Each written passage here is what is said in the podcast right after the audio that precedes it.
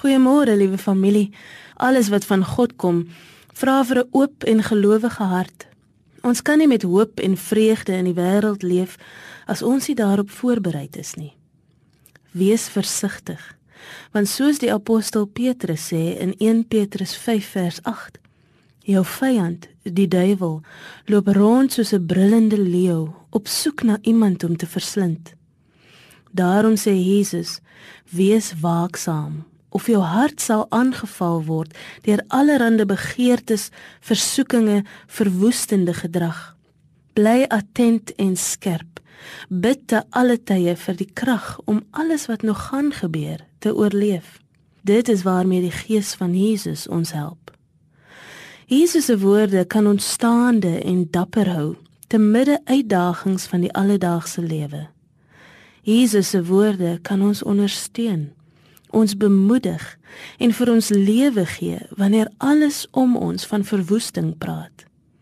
Jesus se woorde is nie net aan ons gegee om vir ons idees te gee of ons te inspireer nie.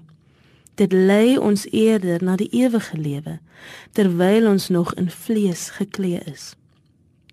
As ons dig by die woord van Jesus bly, daarop reflekteer, daaraan kou, ons siele daarmee voed, sal ons selfs dieper die ewige liefde van God ervaar.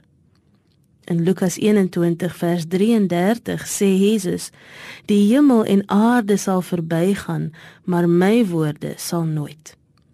Hy wys ons dat sy woorde die mag het om ons harte en gedagtes so te transformeer dat ons daardeur na die koninkryk van God gelei word.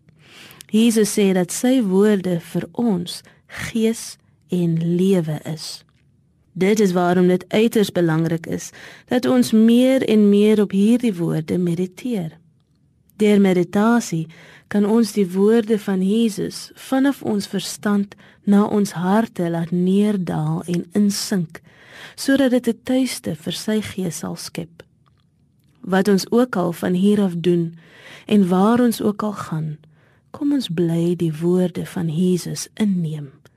Dit is die woorde van ewige lewe.